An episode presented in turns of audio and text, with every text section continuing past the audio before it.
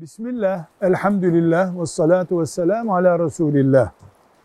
Bir Müslüman bulunduğu yerde Kur'an okumayı bilmeyenlere Kur'an öğretmek zorunda mıdır? Elbette kendisi biliyorsa.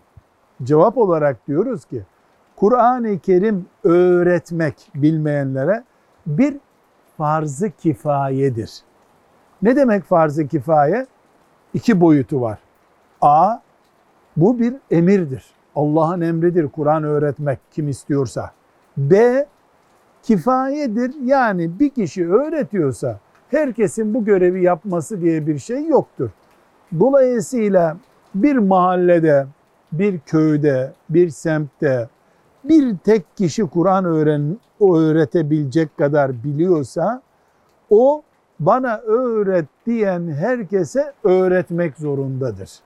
Hayır bilenler çoksa ve öğreten biri varsa Diyanet'in böyle bir kursu var insanlar orada gidip öğrenebiliyorlarsa kimse böyle bir yükümlülük altında değildir. Velhamdülillahi Rabbil Alemin.